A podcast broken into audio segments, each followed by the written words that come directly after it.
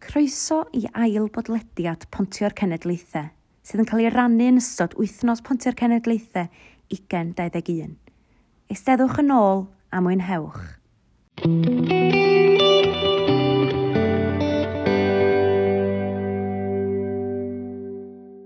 Bore da a croeso i ail bodcast Pontio'r Cenedlaethau yn ystod wythnos genedlaethol Pontio'r Cenedlaethau. Dwi cael cwmni carus heddiw o um, Goleg Meirion Dwyfor sy'n darlithydd iechyd a gofal yna. Bore da. Bore da. A ers 2019, dych chi wedi bod yn ymgymryd mewn prosiectau Pontia'r Cenedlaethau, felly o'n i'n meddwl fod o'n gyfle gwych i ni gael dysgu bach mwy am be dych chi wedi bod yn gwneud yn acw yn y coleg, ond hefyd i ddysgu mwy am pam ti'n meddwl fod o'n bwysig. Felly, ers 2019, mae gyda'n gilydd wedi bod yn rhedeg ti'n meddwl os ti'n gallu esbonio chydig bach mwy am be ydy gyda'n gilydd a yeah, be sy'n digwydd pan mae'r prosiectau'n cael eu cynnal? OK, so gyda'n gilydd ydy um, prosiect nath ni cychwyn um, a ddod â pobl hyn unig o'r cymuned i fewn i um, creu perthynas mwy na dim efo yr myfyrwyr um, sy'n neud y cwrs iechyd y gofal um, mae o, maen nhw'n dod i fewn, oedden nhw'n gwneud pethau wahanol bob tro, fatha um, chwarae games, weithiau oedden ni'n dysgu pethau am digidol, um, iPads, oedd rhai yn dod â iPads i fewn i'r myfyrwyr dysgu nhw am hynna. Neu, fatha, oedden ni'n gwneud thema fyd weithiau um, lle oedd um, pethau fel oedd o adag nhw yn dod i fewn a bod nhw'n siarad trwy hynna. Um, ac oedd o jyst yn gweld y myfyrwyr yn dysgu am hynny i fi yn, a gweld a chlywed nhw'n siarad amdan y prosiect wedyn a'r um, yr feedback wedyn gen y pobl hyn yn deud faint mor bydd oedd iddyn nhw i siarad amdan a'r hanes deion. Um, a jyst y perthynas yn cryfhau a bod y myfyrwyr hefyd yn um, just yn gweld wahanol, wahanol byd, rili, really, iddyn nhw, be um, oedden nhw'n gweld weithiau. Ie, ges i um, fod digon ffodus a cael dod i ambell sesiwn nath chi gynnal a o'n i wrth y modd achos fel o' ti'n deud, oedd gweld y berthynas yna'n cryfhau rhwng y myfyrwyr a'r bobl oedd yn mynychu o um, un sesiwn i'r llall yn wir yn arbennig. Dwi'n sicr efo un o'n hoff storiau o'r prosiect yma, felly um, hwnnw i fi ydy, um, dwi'n cofio dod draw a oedden nhw'n cael sesiwn ar um, trin gwallt. A um, dwi'n cofio um, un o'r myfyrwyr efo gwallt glas llachar. A dod y bobl hun jyst ddim yn coelio o gwbl fod o'n wallt go iawn. A wedyn nath i dynnu extensions allan. A oedd o jyst yn wych drwy gyflwyno themau fatha yr trin gwallt a felly yr ffordd roedd y myfyrwyr a'r bobl hyn yn gallu cymharu ddoe a heddiw a sut oedd ei bywydau nhw wedi newid a o'n i, o, dwi'n co gofio y sesiwn yna am byth, ynddo. Just, um, faint o sioc gafon nhw bod neu fyfyrwraig efo gwallt diw liwio yn las llachar. Sgen ti hoff stori o'r oh, mae hynna, um, sesiwn Dwi'n dwi cofio stwff fel o'n digwydd yn aml. O, mae A oedden nhw'n neud ni chwerthin o hyd, yna'r un peth fatha, yn ni'n deud fatha bod nhw yn neud ni chwerthin, ond dwi'n meddwl un peth gorau nes i cofio amdan y myfyrwyr, um, amdan, oedden nhw'n sgwrsio amdan, fatha gofyn, os gennych chi cariad a falle, y pobl hyn yn gofyn i'r um, pobl ifanc, y students a falle. A uh, un o'r um, myfyrwyr yn gofyn, oedd gennych chi cariad a sut oedd pethau fatha o blaen, cos oedd y sgwrsio yma wrth i amser mynd, oedd yr, yr sgwrs yma yn digwydd, A wedyn bod un yn, yn rhannu bod, um, deud fatha oedd hi'n byw yn un ardal, Um, oedd o ryw pum, saith milltir i ffwrdd o'r llall, a deud bod hi'n gweld y phobl, er, un o'r uh, unigolion hyn wan yn deud bod hi'n gweld ei chariad hi mond bob pythefnos tair wsos.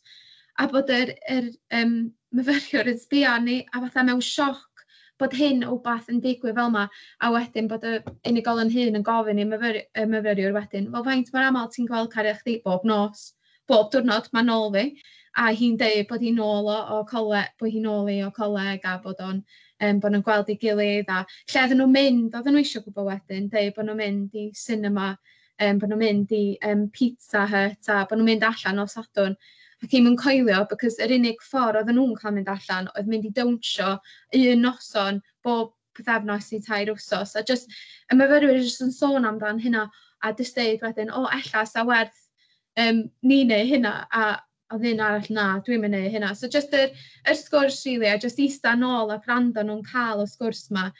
A just hefyd i fi, just ydyn nhw'n cael dall pryd maen nhw yn gweithio yn y maes, bod pethau fel yna, wbeth i cymryd i fewn a feddwl amdan bod mae oed ddoe a heddiw, fel chdi'n dweud, mae'n wahanol wan, wahanol i ni, wahanol i nhw, a just a really, really diddorol. Bob tro, just bob wbath newydd bob tro, ni just yn wrth y modd. Ie, sicr, oedd yr sgyrsiau yn rei arbennig, a dwi'n meddwl hefyd, er fod chi'n rhoi themau ag ati i'r sesiynau, oedden nhw wedyn yn cael y cyfle i fita fe gilydd yn dodden, oedden nhw'n cael cinio pan oedden nhw'n dod i'r coleg. Ac oedd y sgyrsiau naturiol hefyd oedd yn codi wrth y bwrdd bwyd yn rei arbennig ac o'ch chi'n gallu gweld hyder y myfyrwyr yn codi hefyd yn dod o un sesiwn i'r llall. Oedd, oedd fatha, oedd weithiau beth yn digwydd, be, be o'n i'n gweld yn datblygu fyd, ei gofalwyr, er go, fatha bod nhw'n gofalu amdano pobl hyn, gweld nhw, parchu nhw, a dysgu'r sgiliau. Um, dwi'n meddwl bod ni fatha, da ni wedi deud amdan yn yr dosbarthiadau, yn gwersi a falle, ond jyst i gweld nhw'n neud yn, yn helpu ni fel um, yn rhedeg cwrs iechyd gofal i paratoi nhw a bod nhw'n gallu deud beth sydd dda a ddim a beth di anghenion nhw a falle a bod nhw'n gweld um, bob pethau, ond hefyd bod nhw dal yn gweld bod nhw'n pobl unigolion efo um, hanes, efo yr sgyrsiau lle bod nhw wedi cael bywyd bod ni'n anhofio weithiau bod nhw wedi cael bywyd a bod, bo, a, a bod yr myfyrwyr yn gweld hynna, bod nhw'n pobl um, a dal efo, a bod ni'n meddwl amdan hynna bob tro. A mae hynna mor bwysig yn enwedig fel i paratoi nhw ar gyfer y maes, maen nhw eisiau mynd fewn i weithio, maen nhw'n dallt, maen nhw'n gofalu am bobl a dim just cleifion, maen nhw'n unigolion ac yn bobl, a mae hynny'n bwysig. Um, wrth gwrs hefyd mae dallt anghenion yr bobl maen nhw'n gofalu am bwysig ac oedd y prosiect yma'n gallu helpu fo hynny. Ond mm. wrth edrych chwan ar um, sut, sut mae'r prosiect yma wedi gallu helpu y myfyrwyr drwy gynnig profiadau ac ati, be ti'n meddwl mae wedi gallu gwneud i siapio nhw ar gyfer y dyfodol? Um, I fi, dwi'n meddwl mwy na dim, pryd ar i fi cychwyn yn y coleg, um, tair mlynedd yn ôl. O'n i'n gweld lot o myfyrwyr yn cychwyn yn dweud bod nhw eisiau gweithio fo plant. Sydd yn digon teg a o beth sy'n mynd i ddigwydd uh, yn aml iawn dweud bod nhw eisiau mynd ar um, profiad gwaith i mewn i ysgol neu mewn i crash a falle. A dwi'n teimlo bod hynna rili really wedi datblygu, mae hynna wedi newid o gael y profiadau yma ar digwennar lle o'n i'n gael y pobl hyn mae i fewn, iddyn nhw dysgu a roi sgiliau bywyd iddyn nhw um, cys fatha bo'r hei ddim efo nain a taid hyn, um, bod hei ddim efo um, fatha pryd on, fatha bod ni weithiau yn gweld nain a taid. Da ni, dyn nhw'n siarad a fan nhw'n mynd hyd y stryd a ddim yn siarad efo cymdogion, ddim yn siarad efo person um, sydd dros ffordd a falle. A dwi'n teimlo bod maen nhw'n gyd wedi cael magu hyder, magu dealltwriaeth a magu yr, y sgiliau um, bywyd na i fynd i weithio yn y maes, da ni isio, um, da ni isio gweld. A jyst cael myfyrwyr um, cydwybodol yn mynd i fewn i'r meisydd um, efo pobl hyn a mwy parod i ddeud, ia, dwi eisiau gweithio efo pobl hyn. A dwi'n dwi cofio un um, myfyrwyr yn cychwyn, myfyriwr yn cychwyn yn deud bod hi yn deud yn cychwyn, dwi eisiau gweithio efo plant bach. A nath hynna datblygu erbyn y diwad i hi ddeud, pobl hyn, a na chdi cael swydd um, yn gweithio ar han amser efo pobl hyn, cos o hi wedi mwynhau um, gymaint. A dwi jyst i gweld hynna datblygu a datblygu. Dim, fatha, a dim just fatha efo myfyrwyr, iechyd gofal efo pawb, efo fatha mwy o parch o rownd a pryd oedden nhw'n dod i fewn y, y myfyrwyr eraill yn y coleg fyd. So, be ydi pawb dwi'n teimlo yn y coleg a bod ni jyst yn newid hynna wrth amser mynd ymlaen. Ia'n sicr, dwi'n cytuno pob peth ti wedi dweud. Mae'r buddion sydd yn dod o'r math yma o brosiect yn rhywbeth arbennig ac yn rhoi profiad i'r myfyrwyr, falle profiad os nhw ddim yn cael fel arall. A hefyd, beth sy'n arbennig ydy, fel ti'n dweud, fod myfyrwyr sydd ddim yn astudio iechyd y gofal hefyd wedi gweld y buddion fel myfyrwyr um, oedd yn gwneud um, arlwyo drwy um, ddarparu'r bwyd a um, gwneud ystafell fwyta'n barod ag ati. Felly, ia, mae'r buddion yn ddiddiwedd, a dwi'n siŵr sy'n ti a fi'n gallu eistedd yma a moriau yn trafod. No, Mae'r flwyddyn dwytha yma di fod yn flwyddyn wahanol ac od iawn.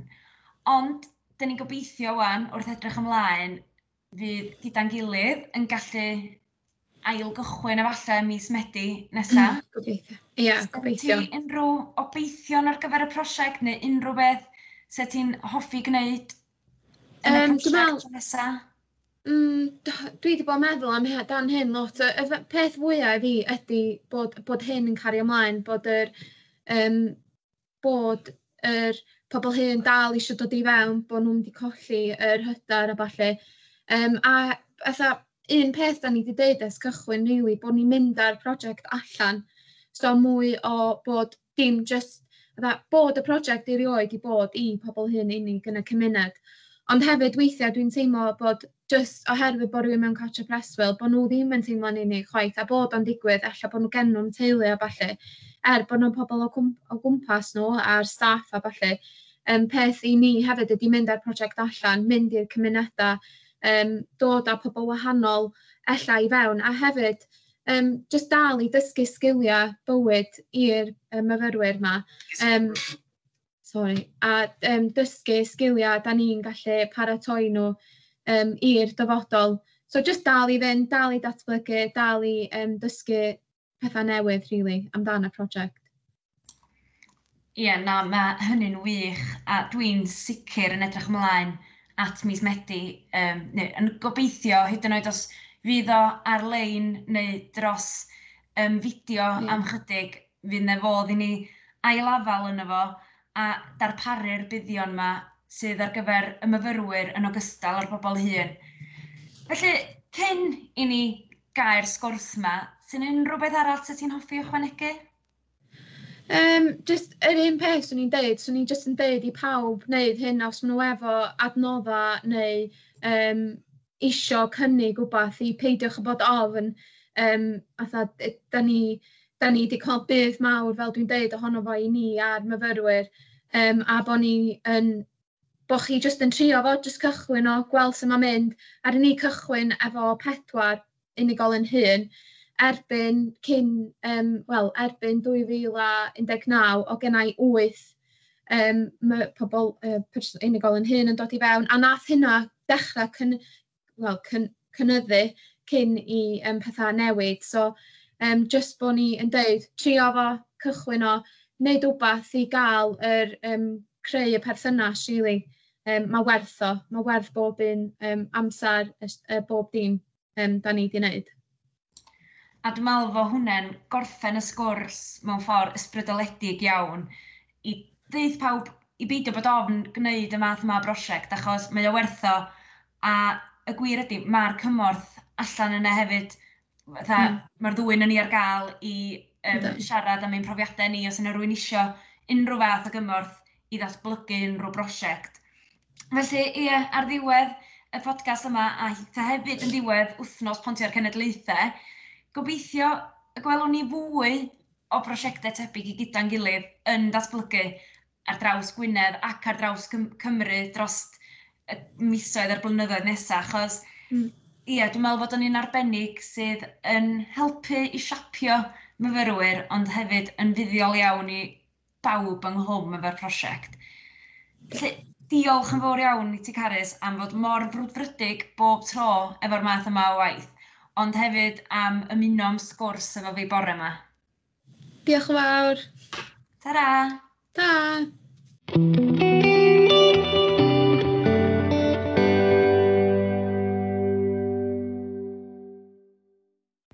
Diolch am wrando. Cofiwch chi'n dilyn ar y cyfryngau cymdeithasol a hefyd cysylltwch os hoffech gymryd rhan mewn cynllun Pontio'r Cenedlaethau.